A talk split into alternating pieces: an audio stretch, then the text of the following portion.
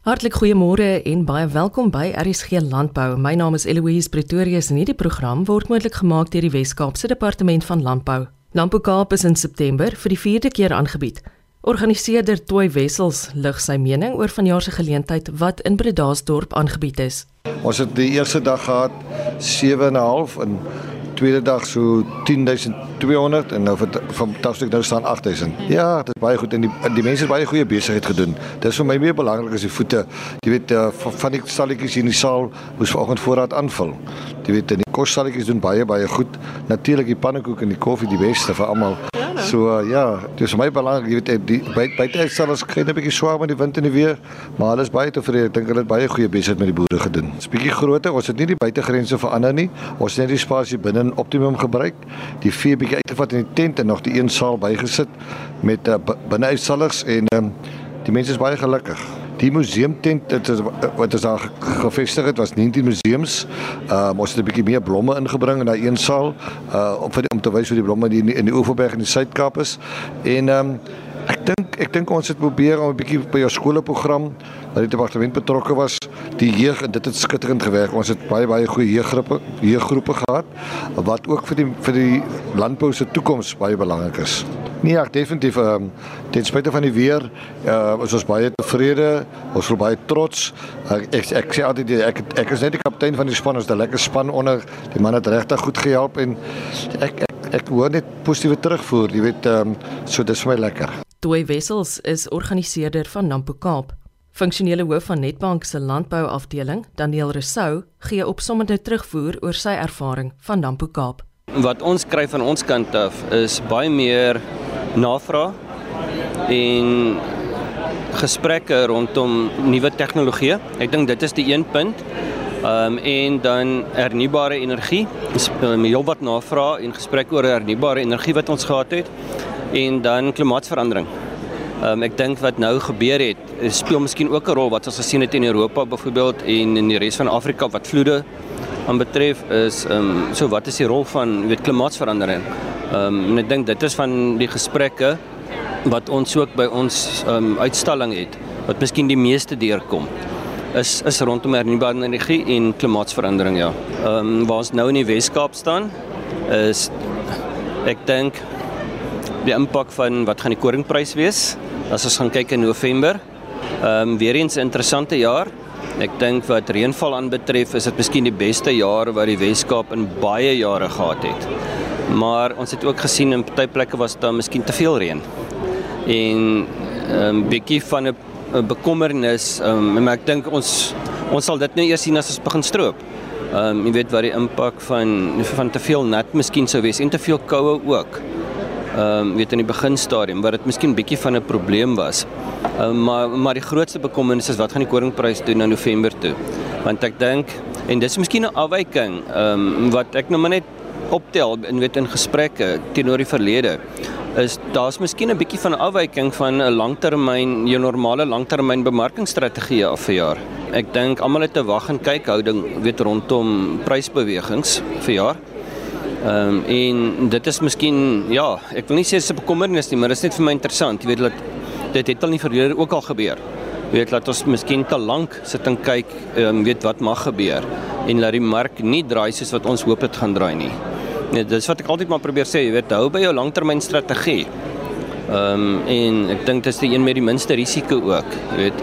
Ehm um, maar ja, ek dink as ons nou kyk wat die gesprekke weer eens om terug te kom na wat die gesprekke is, is dit uit die graanomgewing uit, is dit dit? En dan miskien 'n langer gesprek wat die mense nie werklik nog oor begin praat nie. Wat net so belangrik is, is wat gaan die impak van El Niño wees nou weet oor die volgende paar jaar? Miskien nie nou in die volgende seisoen nie. Ek dink ons grondvog is die beste wat dit in jare was. Weet om ons deur te dra, weet miskien deur 'n bietjie van 'n droër jaar, maar wat gaan die langer termyn impak wees? Ehm um, en dan natuurlik, ehm um, iets wat altyd deel bly van ons gesprekke is infrastruktuur en die toestand van ons hawens. Weet vir alles as ons begin kyk na die uitvoer um, bedrywe. En ek weet Transnet en so aan het nou al redelik uitsprake begin maak dat hulle kan die komende en ons begin oor 'n paar weke met die eerste steenvrugte uitvoere. Weet hulle dit gaan alles glad verloop. Maar ons het ook gesien wat in die laaste paar jaar gebeur, jy weet met die disfunksionaliteit van van ons spoorstelsel ehm um, Transnet wat dood eenvoudig net nie kan verseker dat uitvoer 100% sal verloop soos wat dit moet nie. En ek dink dit um, dit is iets wat ons ook na moet kyk. En dan ek dink die derde ene is rondom energie. Ehm um, Eskom. Nou ons sien wat veral wat drie oliepryse nou doen, die verswakking van die rand, brandstof is met 10% prys van diesel met 10% geklim in 'n maand se tyd. Ons is 2 maande weg. Minder as 2 maande weg wat die eerste wat die oesproses begin vir ehm um, vir wintergraan. Weet sou weer eens dit gaan ek dink dit gaan 'n duur oesproses wees. En ek praat nou van energie, weet en ek dink dieselkos is maar net een komponent daarvan. Maar as ons gaan kyk na kragonderbrekings en ons gaan kyk na beerdkrag byvoorbeeld, is dit iets wat ook 'n groter rol begin speel. Ja, ons het ver oggend 'n uh, baie interessante gesprek gehad. Ehm um, by Netbank se nasie en gesprek sessie ehm um, rondom klimaatsverandering en dan ook die die rol van klimaatsverandering in terme van winsgewendheid. Met ander woorde kan ons volhoubare praktyke dit wat ons doen omgesit word en gesien word weet in in terme van winsgewendheid. So as ek vinnig miskien net kan noem wie die paneel was. Ehm um, dis 'n redelik uiteenlopende paneel gewees. Johan Strauss van die departement van van landbou in die, die Wes-Kaap wat baie fokus op regenerative landbou en bewaringslandbou veral in die wintergraan omgewing. Ehm um, Fanny Ferreira by die hoofuitvoerende beampte is van die melkprodusente organisasie wat veral gepraat het rondom die die impak van klimaatsverandering op uh, melkerye nou en die belangrikheid dan van rentmeesterskap. Met ander woorde om die regte dinge te doen in terme van van winsgewendheid, maar ook in terme van um, bewaring van jou natuurlike hulpbronne en so aan. En weer eens om dit terug te bring na winsgewendheid op plaasvlak toe.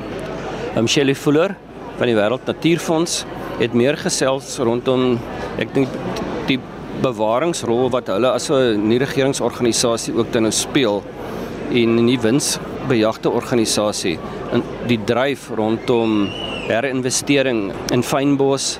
Um, die Engels het mooi woord foraging um, byvoorbeeld. Um, en die basies die bewaring en beskerming van ons biodiversiteit en hoe dit eintlik al hoe belangriker raak weet in ook in terme van ons bewerkingspraktyke. Die hele gesprek het gegaan oor die impak van klimaatsverandering um, uit verskillende dissiplines uit.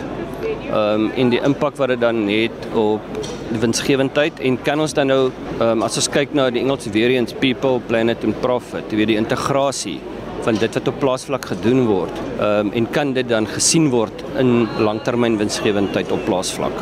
So ek dink dit was ongelooflik interessant jy weet in, in sy gewende gesprek gewees het verskillende dissiplines uit maar wat tot dieselfde onderwerp praat.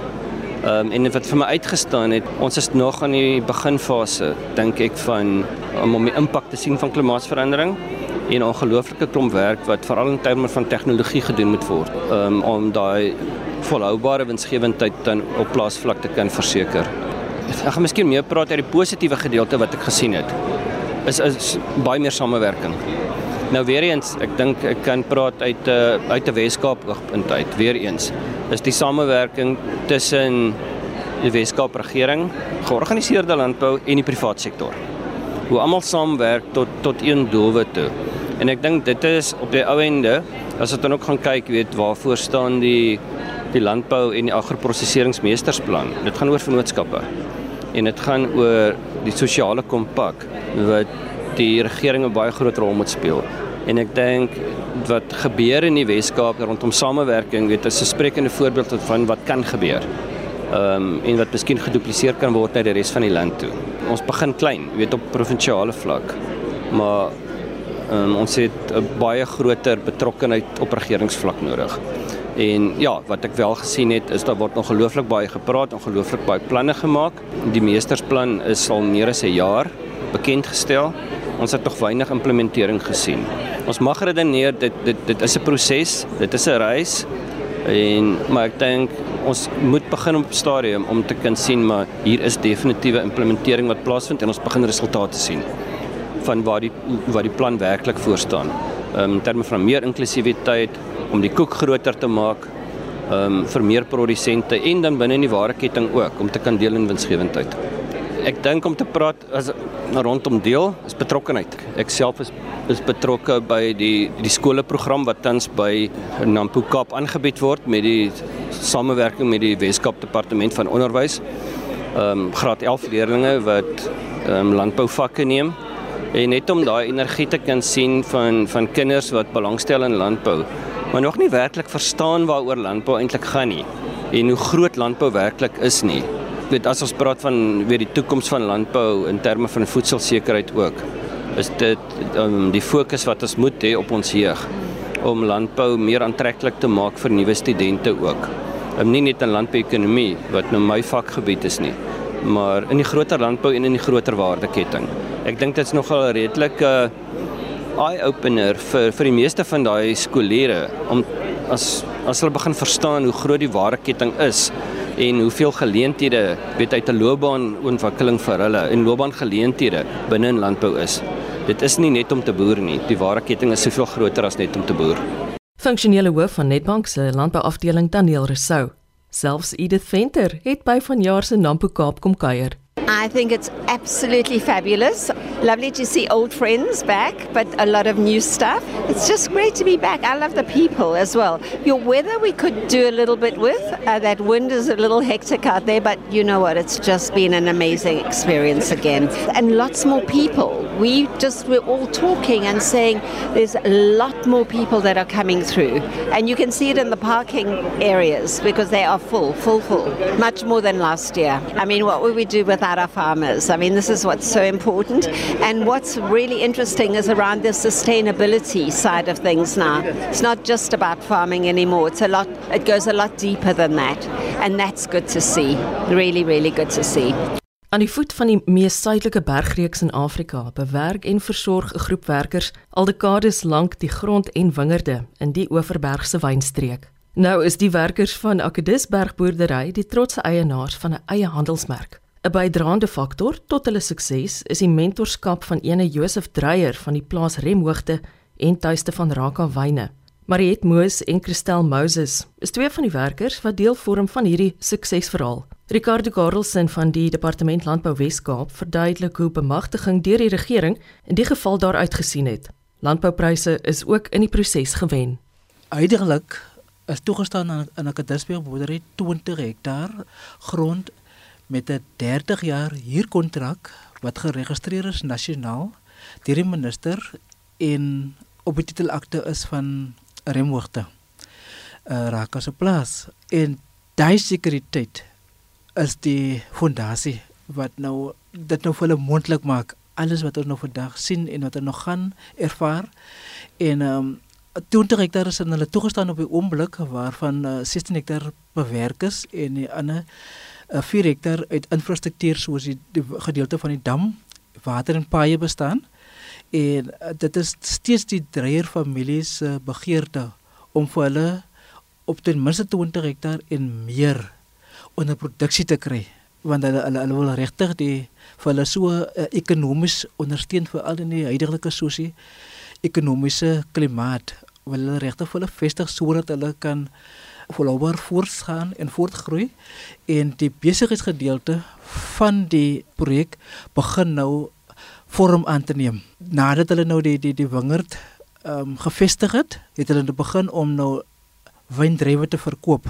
Terwyl hulle nou gaan hulle verskillende soorte kultivars gaan botteleer, begin die besigheidsaspek nou van hulle te ontlyk en te, te groei en dit is ook wat nou baie interessant gaan wees om te kyk en te monitor in die toekoms um, hoe dit gaan uitrol want ons begeerte is om so soveel as moontlik van hulle kinders, hulle volgelinge betrokke te kry op hulle eie en dan ook in 'n in 'n ander uh, professie te kry op die plaas of elders maar dat dit nou 'n byproduk kan wees van wat hulle vandag mee besig is en dit nou net hier so stop hè.